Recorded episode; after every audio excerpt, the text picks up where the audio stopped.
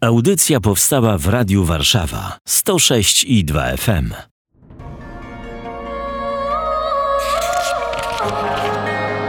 Księga.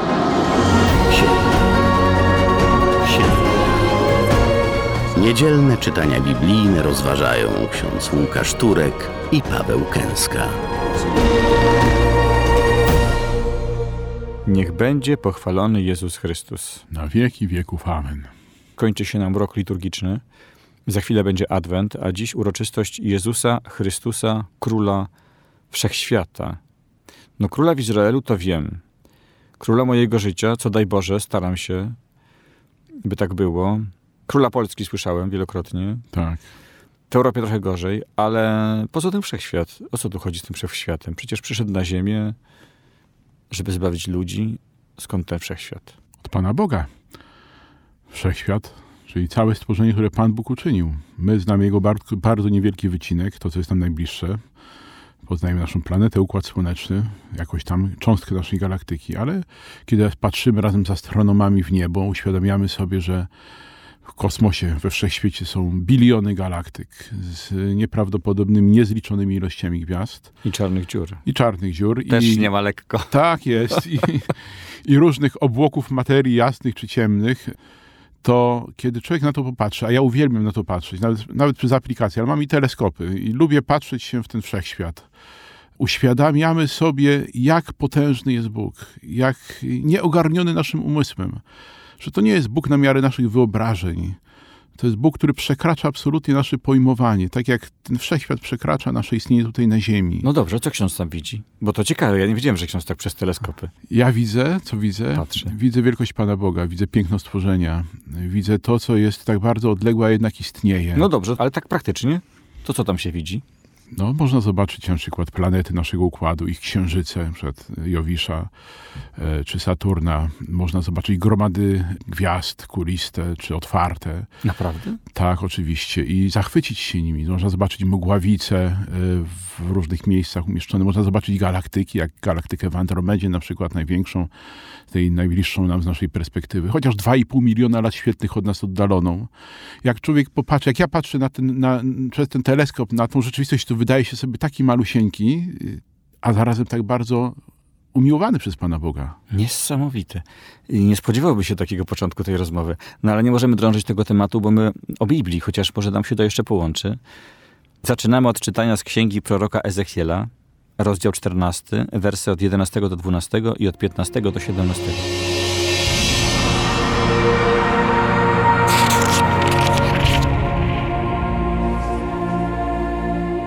Tak mówi Pan Bóg.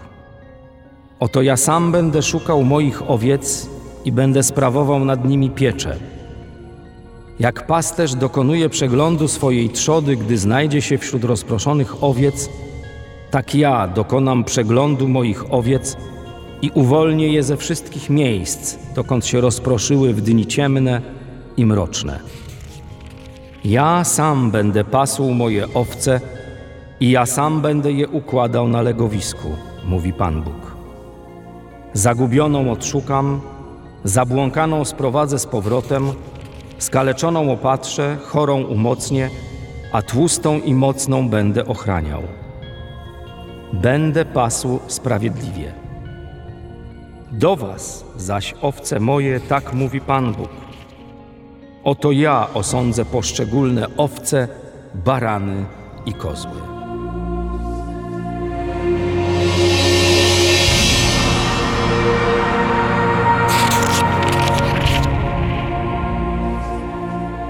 Jak słyszę te słowa, to pewne wyrażenia i zwroty brzmią szczególnie mocno. Na przykład ten. Uwolnię je ze wszystkich miejsc, dokąd się rozproszyły, w dni ciemne i mroczne. Uwolnię je. Czyli tam, dokąd się udały, czasem nieopatrznie, czasem głupio, czasem wiedzione jakimś rodzajem ludzkiej, można powiedzieć, natury skażonej, zabrnęły tam, gdzie straciły wolność. I żeby wrócić, on musi je uwolnić. To nie jest tak, że e, ogon w drugą stronę i naprzód i dojdę, tylko być może ja jestem w niewoli. Ja owca. Baran albo kozioł, bo tu i barany i kozły też. Baran może. Zdecydowanie i bezwzględnie należy mieć tego świadomość, że jesteśmy w niewoli, jesteśmy niewolnikami grzechu i, i to jest prawda o nas, jedna z tych fundamentalnych, która jest jakimś punktem wyjścia do budowania naszej relacji z Panem Bogiem. I nawet jeżeli dajemy się Panu Bogu prowadzić i jesteśmy ludźmi religijnymi, jesteśmy ludźmi modlącymi się, to prawda o grzechu, który gdzieś w naszym życiu jest głęboko zakorzeniony i którego skutki dotykają y, całego naszego życia, naszych relacji, sposobu funkcjonowania, myślenia, mówienia, działania, w jakiś sposób cały czas są w naszym życiu obecne.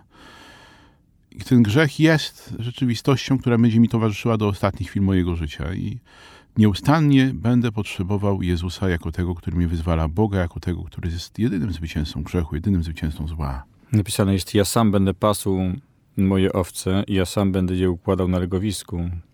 To nie tylko tyle, że kijem pokaże, że tam nie trzeba, albo tam tu postawię tabliczkę, nie? jak mądro to przeczyta, a jak nie, to jej sprawa.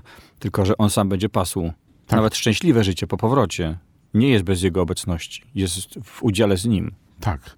Kiedybyśmy poczytali sobie wcześniejsze fragmenty tego proroctwa Ezechiela, wcześniejsze wersety nawet, to widzimy, że te słowa, które dziś odczytujemy, one są tak wypowiedziane przez Boga w kontekście tego, że on powierzył swoją tą władzę pasterską pasterzom Izraela, przywódcom, kapłanom, którzy nie wypełniają swojego zadania wobec owiec w sposób właściwy. Wykorzystują te owce, nie troszczą się, one nie dbają. I Bóg mówi, to ja w takim razie teraz zaangażuję się sam, bardzo osobiście, bezpośrednio w życie moich owiec. Skoro moi pasterze, tych, których wybrałem, powołałem, nie chcą czynić tego, do czego zostali powołani, ja wchodzę w, bardzo mocno w środek tej rzeczywistości, swojej owczarni żeby dokonać dzieła oczyszczenia, dzieła zbawienia, dzieła uwolnienia, dzieła uzdrowienia, którego moje owce potrzebują, ponieważ nawet jeżeli moi pasterze się nie chcą troszczyć o moje owce, to ja się o nie troszczę i mi na nich zależy, ja je kocham, będę, będę szukał, będę dbał, będę walczył. I to jest to, co nieustannie Pan Bóg nam o sobie objawia w stosunku do nas. A zarazem, gdyby chce nam pokazać też w tym, w tym obrazie rozproszenia, owiec, które się rozpraszają, dni ciemne i mroczne, że to często jest tak, że ja nie muszę nawet tak daleko fizycznie od Pana Boga odchodzić, ale ja mogę wychodzić gdyby ze swojego życia gdzieś błąkając się na manowcach rzeczywistości i w jakieś fałszywe sposoby myślenia, błędne koncepcje życiowe, wchodzić w właśnie w ciemność tego świata, która zewsząd mnie otacza.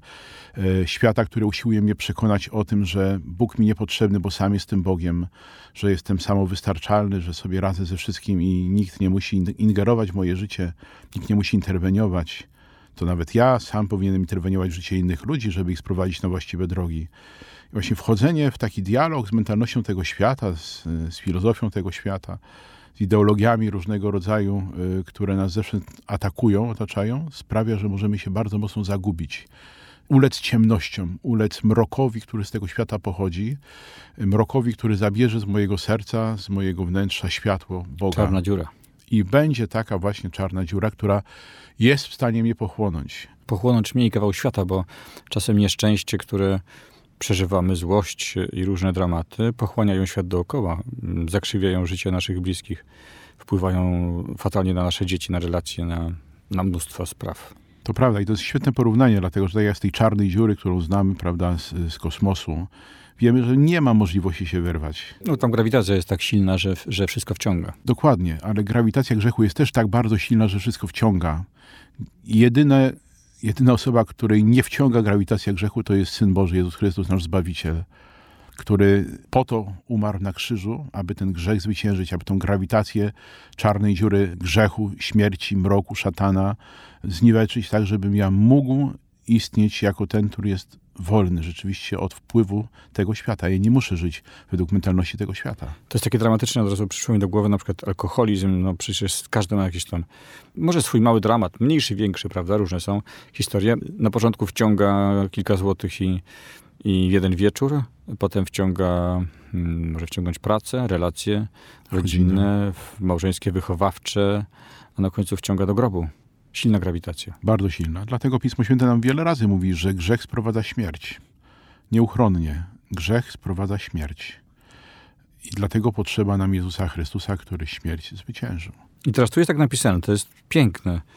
Mówi o owcach, może ktoś się odszuka w tych słowach, zabłąkanych, skaleczonych, chorych, no i też tłustych, czyli po prostu, które mają się dobrze. Myślę, że każdy z nas może się w Słowie Bożym odnaleźć także w tym obrazie.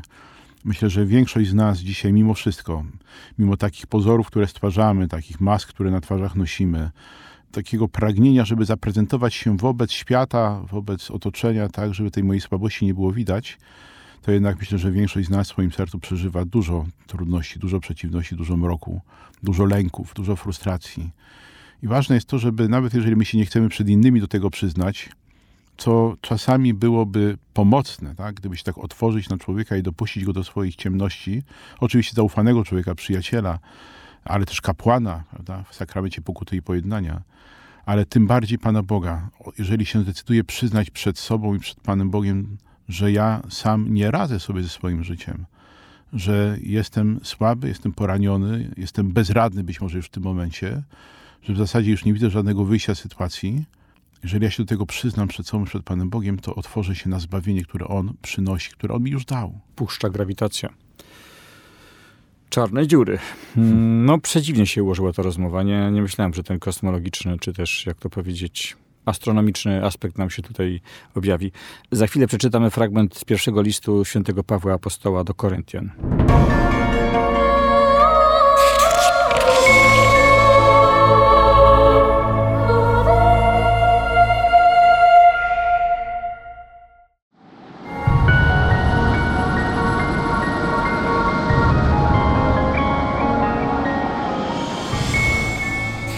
Czytanie z pierwszego listu świętego Pawła Apostoła do Koryntian, rozdział 15, wersy od 20 do 26 i wers 28.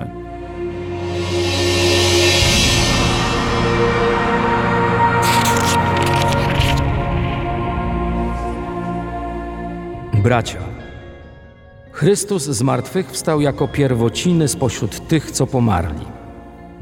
Ponieważ bowiem przez człowieka przyszła śmierć, przez człowieka też dokona się zmartwychwstanie. I jak w Adamie wszyscy umierają, tak też w Chrystusie wszyscy będą ożywieni, lecz każdy według własnej kolejności. Chrystus jako pierwociny, potem ci, co należą do Chrystusa w czasie Jego przyjścia. Wreszcie nastąpi koniec, gdy przekaże królowanie Bogu i Ojcu i gdy pokona wszelką zwierzchność, władzę i moc. Trzeba bowiem, ażeby królował, aż położy wszystkich nieprzyjaciół pod swoje stopy. Jako ostatni wróg zostanie pokonana śmierć. A gdy już wszystko zostanie mu poddane, wtedy i sam syn zostanie poddany temu, który synowi poddał wszystko, aby Bóg był wszystkim we wszystkich.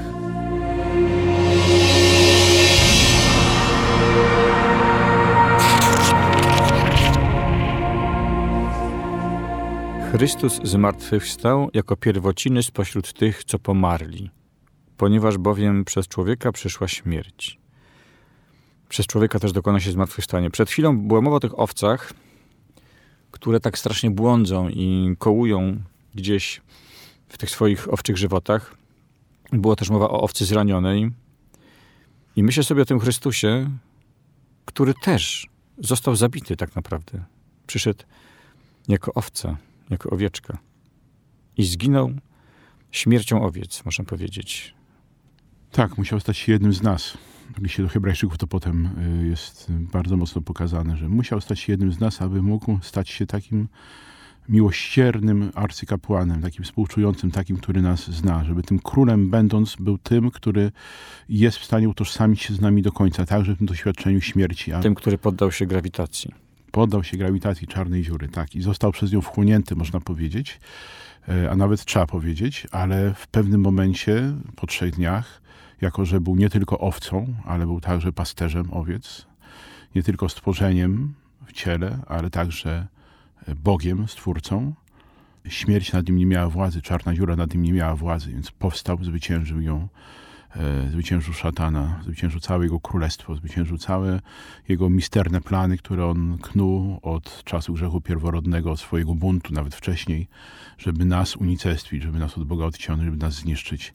A Bóg mówi, nie zgadzam się na twój plan, szatanie, nie zgadzam się na to, żeby tak moje stworzenie umiłowane zostało poranione, żeby tak zostało zniszczone. I dlatego Jezus staje się człowiekiem. Tutaj wyraźnie Paweł właśnie o tym mówi, że przez człowieka przyszła śmierć, czyli przez Adama i Ewę, przez grzech pierworodny. I sprawiedliwe było, aby również przez człowieka dokonało się zmartwychwstanie. I dlatego Jezus staje się prawdziwym człowiekiem, z krwi i kości, prawdziwym człowiekiem. I w jego osobie łączą się te dwie natury, prawda? Boska i ludzka, ale jest prawdziwym człowiekiem, żeby wejść w doświadczenie tego wszystkiego, czego my doświadczamy od momentu grzechu pierworodnego. Czyli doświadczamy boleśnie natury tego świata i natury samych siebie, naszej własnej natury, która jest skończona i którą ta grawitacja jednak e, przyciąga ku Ziemi. To jest to niesłychanie napisane mocno, że jako ostatni wróg zostanie pokonana śmierć. Czyli prawo tego świata zostanie złamane. To prawda. Bóg poddał się prawom tego świata. Poddał się całkowicie tym prawom, które sam w tym świecie ustanowił. Poddał się również konsekwencjom zła, którego on nie uczynił.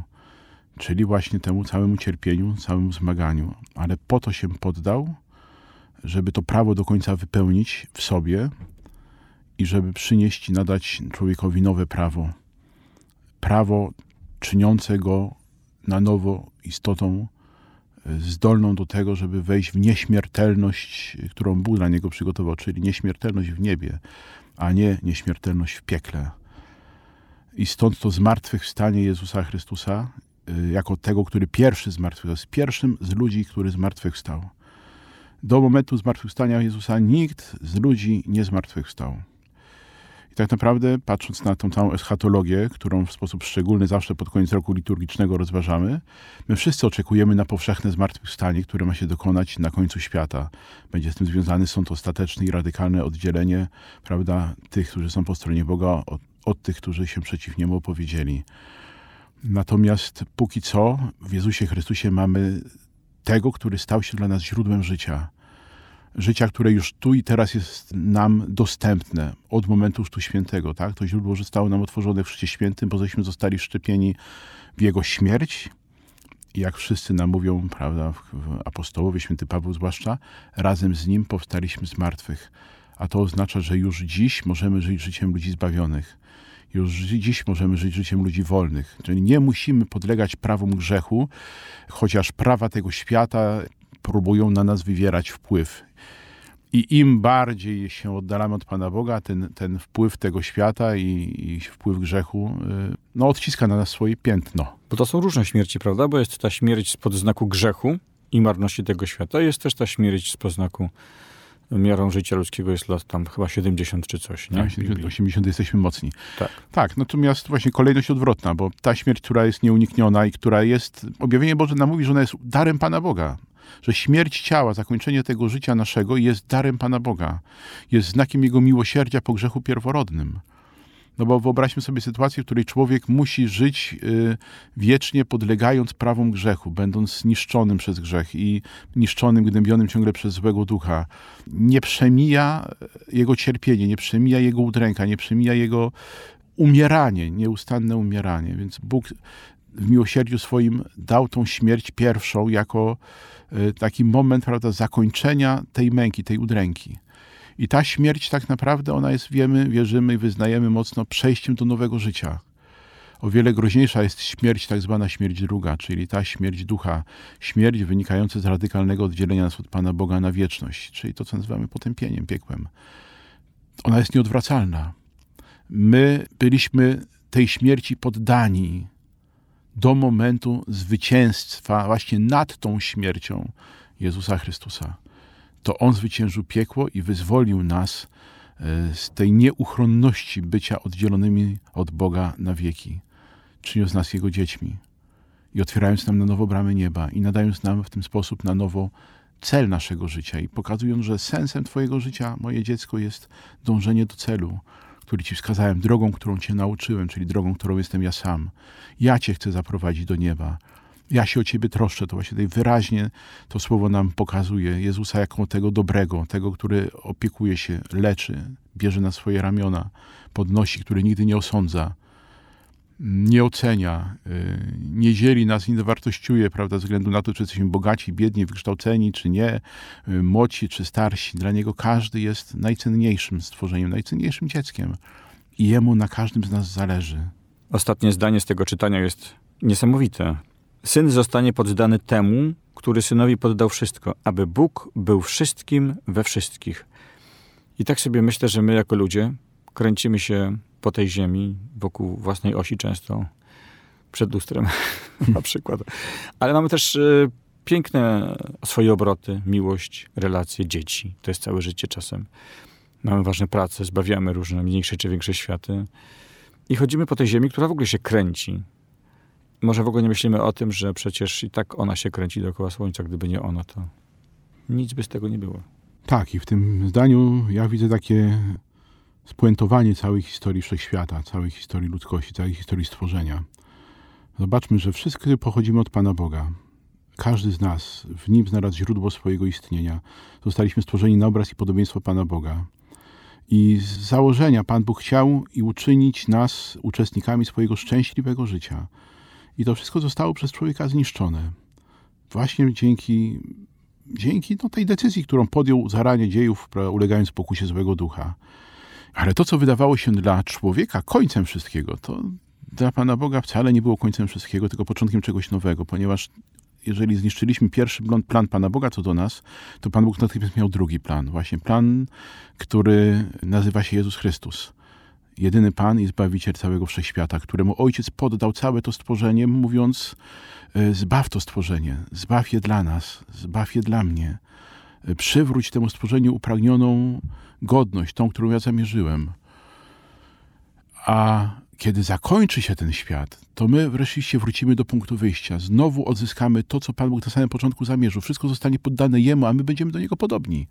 Bo ujrzymy Go takim, jakim jest. Plan A. Tak, wrócimy do planu A, można tak powiedzieć. Za chwilę przeczytamy fragment z Ewangelii według świętego Mateusza.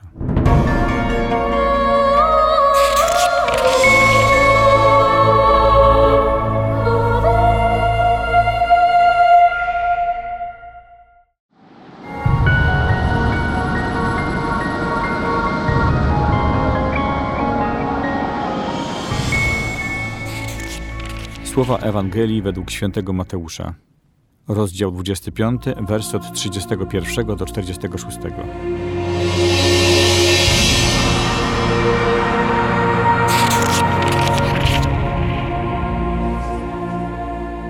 Jezus powiedział do swoich uczniów: Gdy syn człowieczy przyjdzie w swej chwale, a z nim wszyscy aniołowie, wtedy zasiądzie na swoim tronie pełnym chwały i zgromadzą się przed nim wszystkie narody, a on oddzieli jednych ludzi od drugich, jak pasterz oddziela owce od kozłów.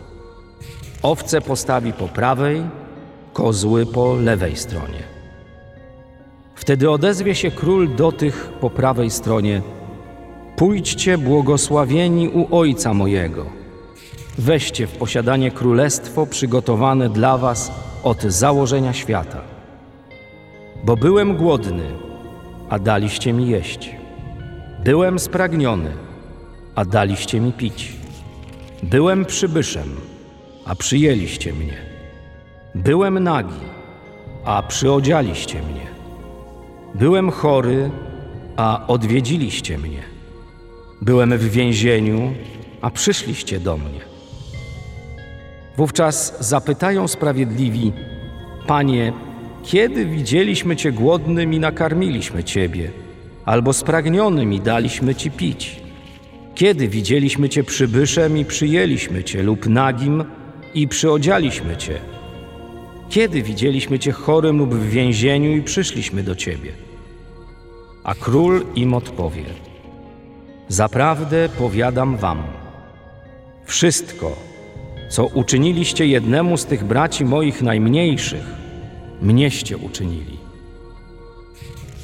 Wtedy odezwie się i do tych po lewej stronie. Idźcie precz ode mnie, przeklęci, w ogień wieczny przygotowany diabłu i jego aniołom. Bo byłem głodny, a nie daliście mi jeść. Byłem spragniony, a nie daliście mi pić. Byłem przybyszem, a nie przyjęliście mnie. Byłem nagi, a nie przyodzialiście mnie. Byłem chory i w więzieniu, a nie odwiedziliście mnie.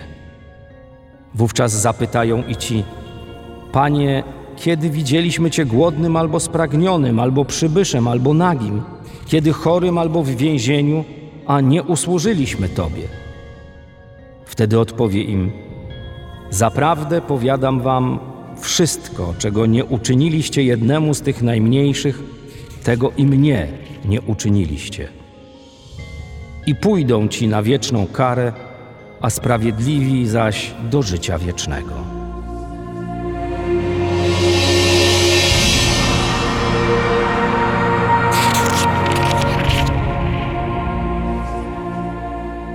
Niesamowite w tym czytaniu jest to, że to jest król.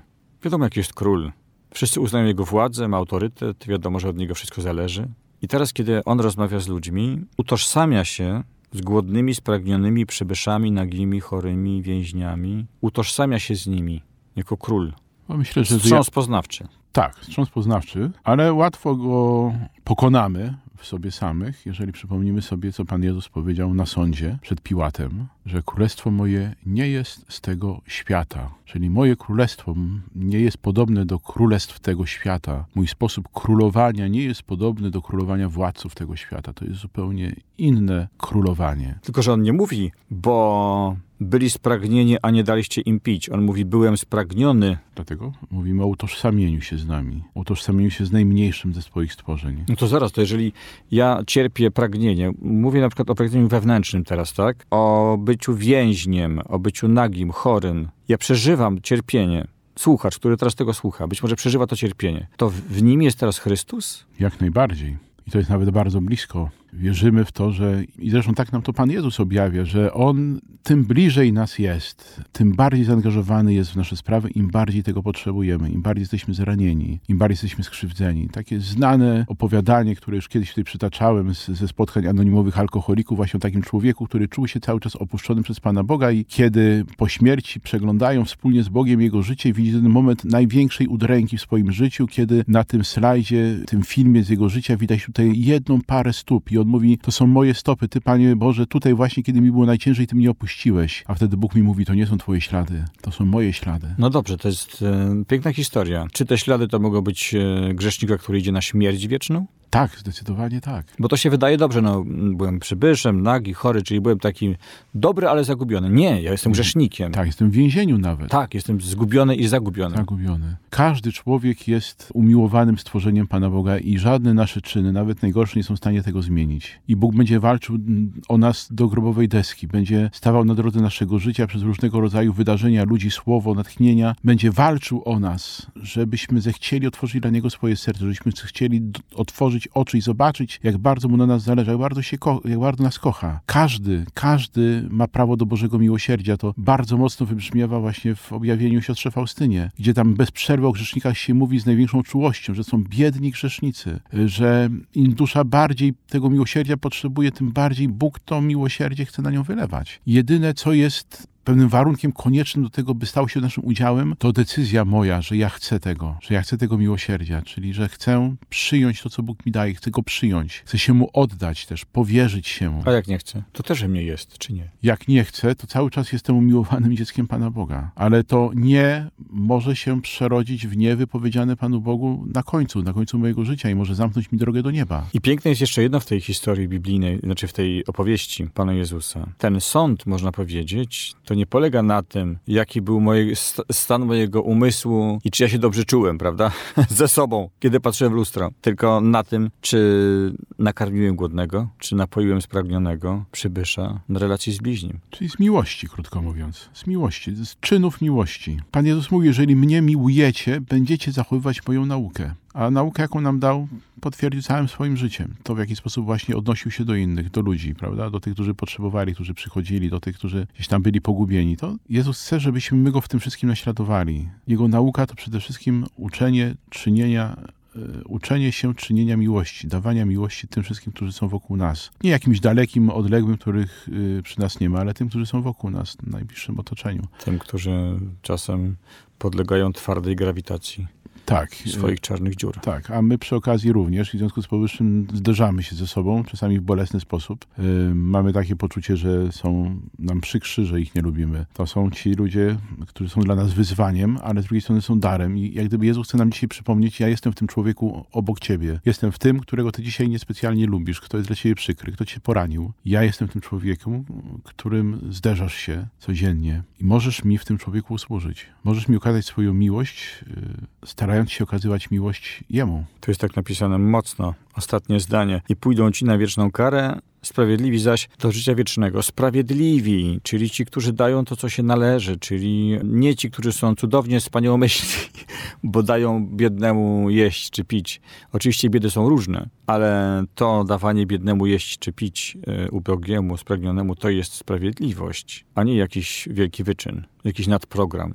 No tak. I to jest kolejna sprawa, która y, wynika właśnie z naszej relacji z Panem Bogiem i z tego, co Bóg nam uczynił. Ponieważ mówił, bądźcie miłosierni, jak ja jestem miłosierny. Jeżeli ja doświadczam nieustannie tej łaski z ręki Pana Boga, no, doświadczam Jego przebaczenia, doświadczam Jego miłosierdzia, przychodzę jako ten żebrak potrzebujący i otrzymuję to, czego potrzebuję, bo to moje serce, prawda, kruszeje wobec Jego wielkości, wobec Jego miłości, no to Bóg mówi, to teraz sprawdźmy, jak to działa tak naprawdę w Twoim życiu. I stawia nam na drodze człowieka jednego, drugiego, trzeciego, który też potrzebuje mojego miłosierdzia. Może prosi o nie równie nieudolnie, jak ja proszę Pana Boga. Może nie potrafi dostrzec, prawda, swoich wad i grzechów, czy jakiegoś niewłaściwego stosunku do mnie, tak jak i ja często nie potrafię dostrzec tego, że Pana Boga ranię przez swoje różnego rodzaju dziwne pomysły, słowa, gesty, e, postawy. Ponieważ jesteśmy tutaj do siebie podobni jako ludzie, możemy gdzieś znaleźć w tym wszystkim taką przestrzeń do tego, żeby odszukać siebie w tym drugim człowieku. Zobaczyć, że on jest taki sam jak ja, że on ma też takie serce jak ja, albo ja mam takie samo serce jak on, że on się tak naprawdę niczym ode mnie nie różni. Tylko to moje patrzenie jest inne niż patrzenie Pana Boga na mnie i dlatego Pan Jezus może chce mi dać moje oczy, żebym ja zobaczył w tym drugim człowieku. I być może właśnie dlatego Pan Jezus chce mi dać swoje oczy, żebym ja zobaczył w tym drugim człowieku to, co on widzi, czyli głęboką potrzebę miłości, też głęboką potrzebę przebaczenia, jakąś taką udrękę wynikającą z, ze zranienia, którego doświadczył, nie tego nie z własnej winy nawet, tak? Tylko przez grzechy tego świata, otoczenia, rodziny, bliskich. Uroczystość Jezusa Chrystusa, Króla Wszechświata. Jest ten wielki wszechświat, o którym ksiądz mówił na początku. I to przyznam tak urzekająca wizja, że chętnie jeszcze bym o tym pewnie po audycji porozmawiamy. Ale jest ten wielki wszechświat, który przecież też kiedyś się zaczął, jak mówią uczeni. To jest nie do ogarnięcia umysłem. A my też mamy swoje wszechświaty skądś wyszliśmy, dokąd idziemy. Tak jest. I dzisiaj sobie mamy uświadamiać to, że wyszliśmy od Pana Boga i do Niego idziemy. I jesteśmy jak ten wszechświat. Pięknie, jesteśmy skomplikowani, jesteśmy tajemniczy, jesteśmy tak. Mm, zachwycający też można powiedzieć, jesteśmy nieodkryci przez innych i sami siebie też do końca nie odkryliśmy. I w Bogu możemy odkryć. Jeżeli ten król wszechświata, tak nieogarnionego, zechciał stać się człowiekiem, stał się, stać się jednym z nas dla mnie, to chce być moim królem. Ja mogę z nim wejść w relację i w nim odkryć całe bogactwo tego, kim ja jestem, całą tajemnicę mojego istnienia, całe piękno, całe bogactwo. To wszystko, co jest we mnie urzekające, właśnie w, w relacji z tym mhm. królem mogę odkryć. W relacji. Co jest urzekające? Myślę, że najgorszym błędem błędem e, i wtapą jest pomylenie swojego wizerunku w lustrze ze słońcem, bo człowiek kręcąc się w koło samego siebie może zwariować i do niczego się nie dokręci. To prawda. Najlepiej, żebyśmy zrozumieli, że mamy się kręcić wokół Jezusa, bo On jest naszym słońcem i On oświeca nasze życie. Za uwagę dziękuję Państwu. Ksiądz Łukasz Turek i Paweł Kęska. Księga. Księga. Księga.